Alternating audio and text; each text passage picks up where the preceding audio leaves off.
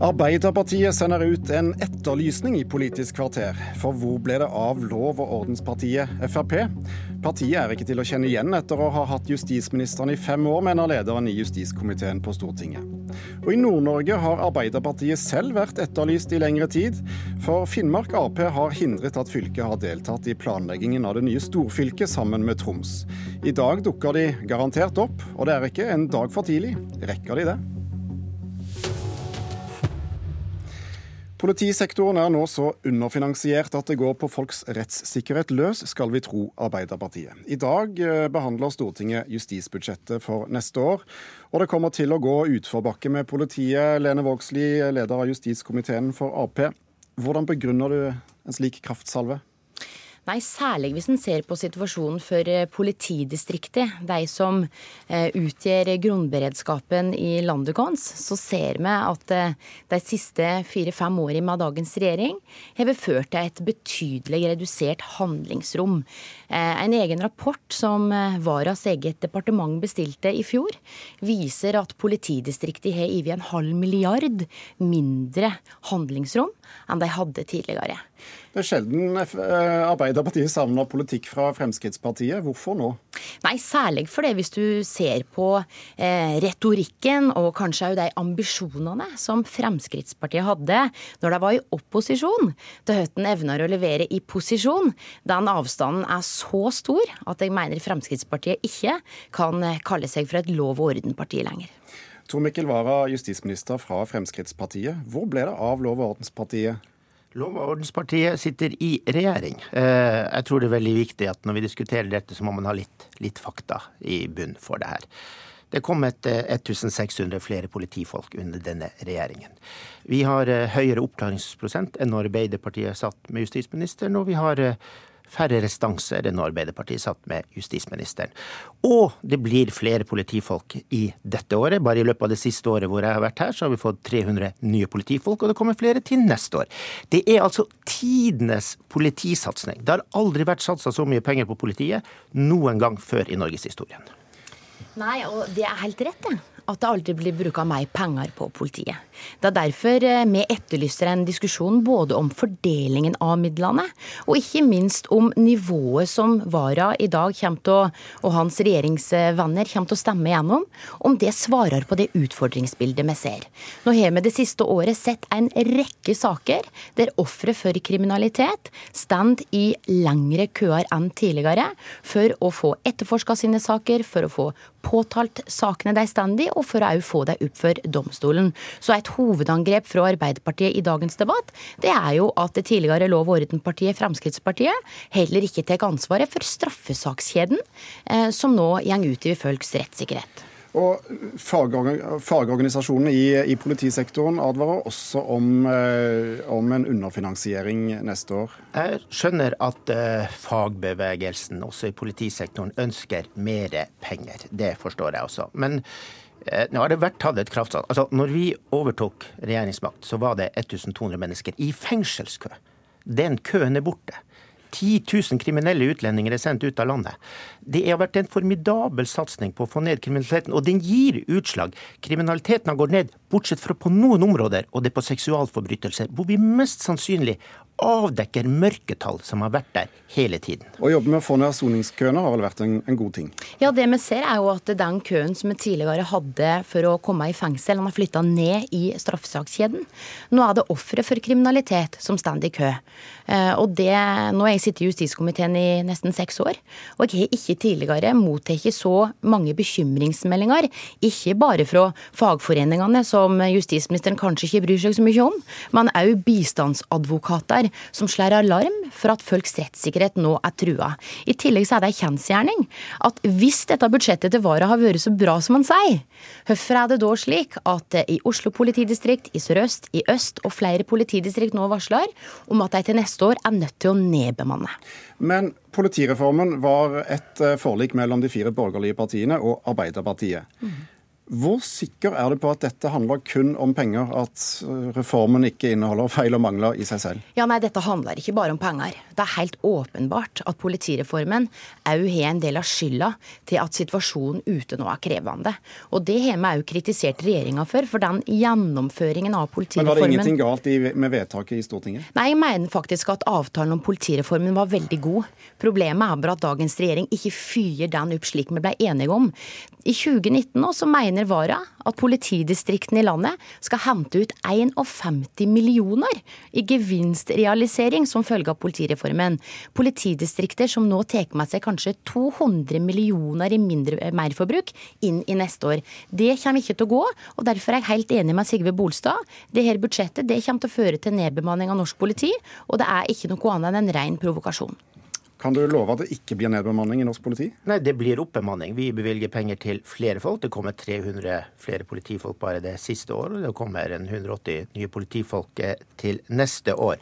Det som er viktig å huske på er politireformen ble gjennomført i år. Vi er midt i en reform. Og jeg tror nok at det er alltid sånn at når man gjør ting for første gang, så er man ikke så god som man gjør det for tiende og tjuende gang. Så jeg tror de, Derfor er det utfordringer. Det er jeg veldig tydelig på. Det er utfordringer som er knytta til reformen.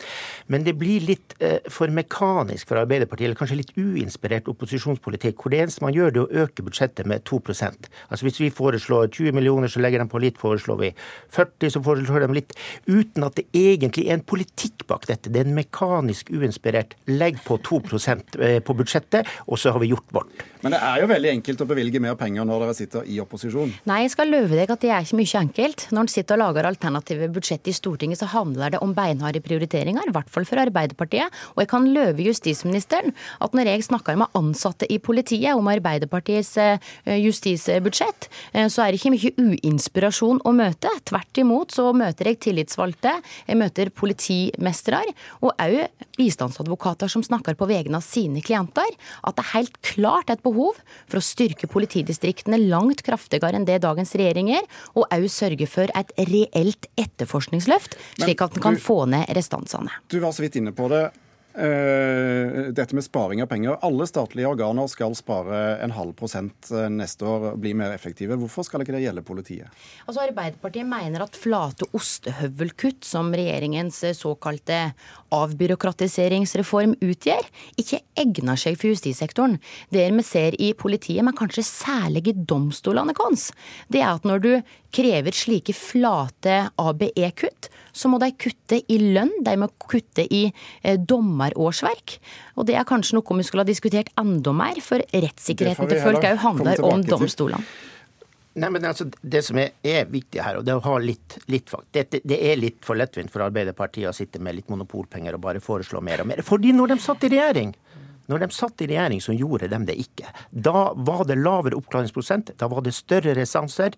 Vi har bevilga 3 milliarder kroner mer til driftsmidler i politiet i løpet av denne perioden. Så kan man godt snakke om 50 millioner kroner i AB-reform. Men grunnen til at vi kunne bruke mer penger på politiet, er fordi vi har avbyråkratisert i hele norsk sektor. Du høres ikke særlig bekymret ut for at Arbeiderpartiet skal ta tittelen og verdenspartiet på walkover her? Overhodet ikke. Takk skal dere ha, Tor Mikkel Wara, justisminister, og Lene Vågslid, leder av justiskomiteen for Arbeiderpartiet.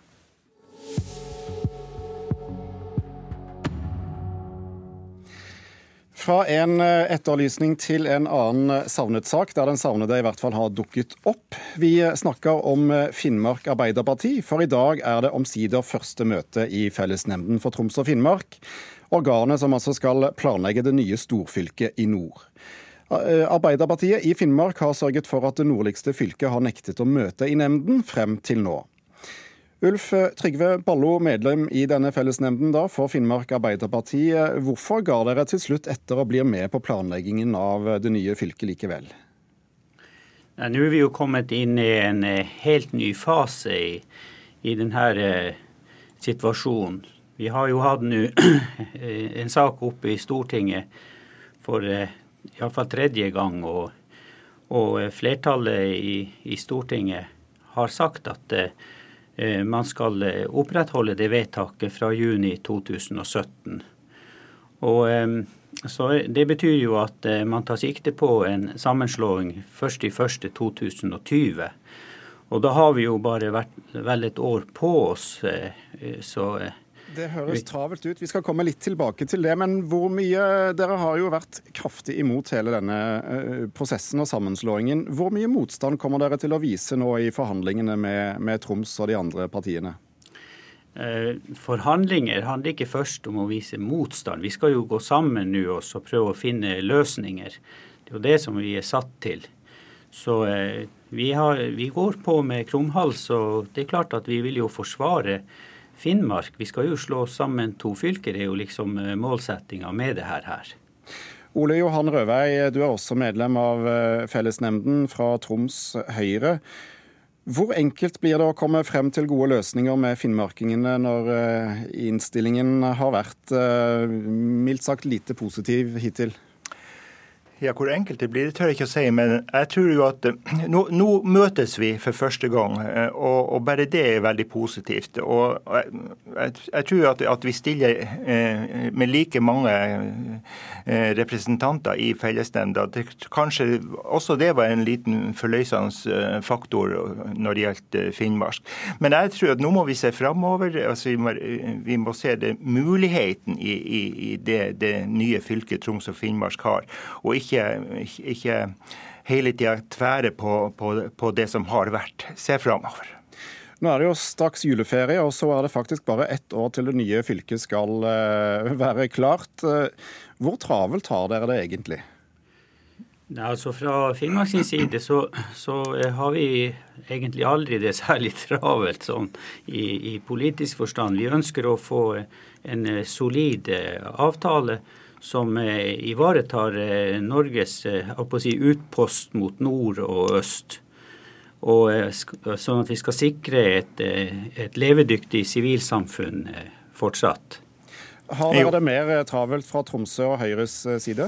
Ja, vi har det. Vi, ikke bare vår side, men på vegne av det nye fylket så har vi det travelt. For vi skal, eh, vi skal bl.a. ha et valg som, eh, som, skal skje, og det skal settes ned i valgnemnd og et valgstyre. Og, og vi har også mange tusen ansatte som vi har et ansvar for, og dem må vi bry oss om. Valget til høsten, rekker dere det, da? Ja, det må jo skje. Ja, jeg vil jo absolutt håpe det. sant? Og det er jo nå eh, dyktige folk på, på, begge sider som skal forsøke å få det til, det her.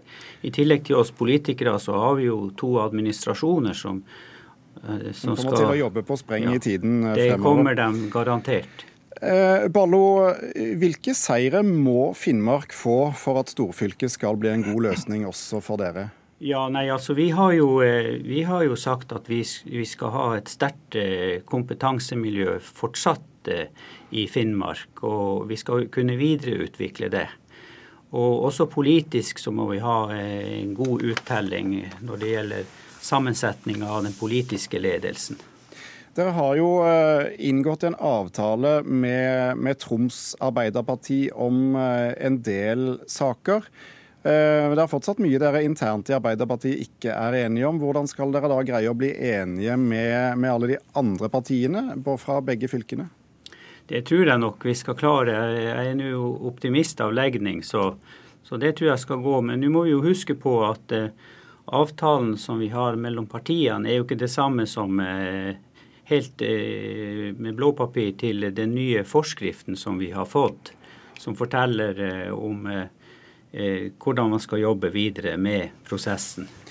Rødvei, eh, det lurer likevel et, eh, et, varsel om søksmål fra Finnmark mot, mot, prosessen Stortinget og Kommunaldepartementet har hatt rundt sammenslåingen. Er det et ris bak speilet du frykter? Nei, altså, jeg, jeg, frykter ikke det. Det er ikke et ris bak speilet som jeg frykter, men jeg syns det er trasig at vi skal eh, jobbe i lag, og samtidig skal det være altså skal du ha det der bak deg. Så, så jeg syns det er trasig at det skal på en måte ris to hester. Ballo, vi må spørre deg, da, som, som, har vært med å støtte dette såkalte prosessvarselet, som det heter formelt. Hvor reelt er det?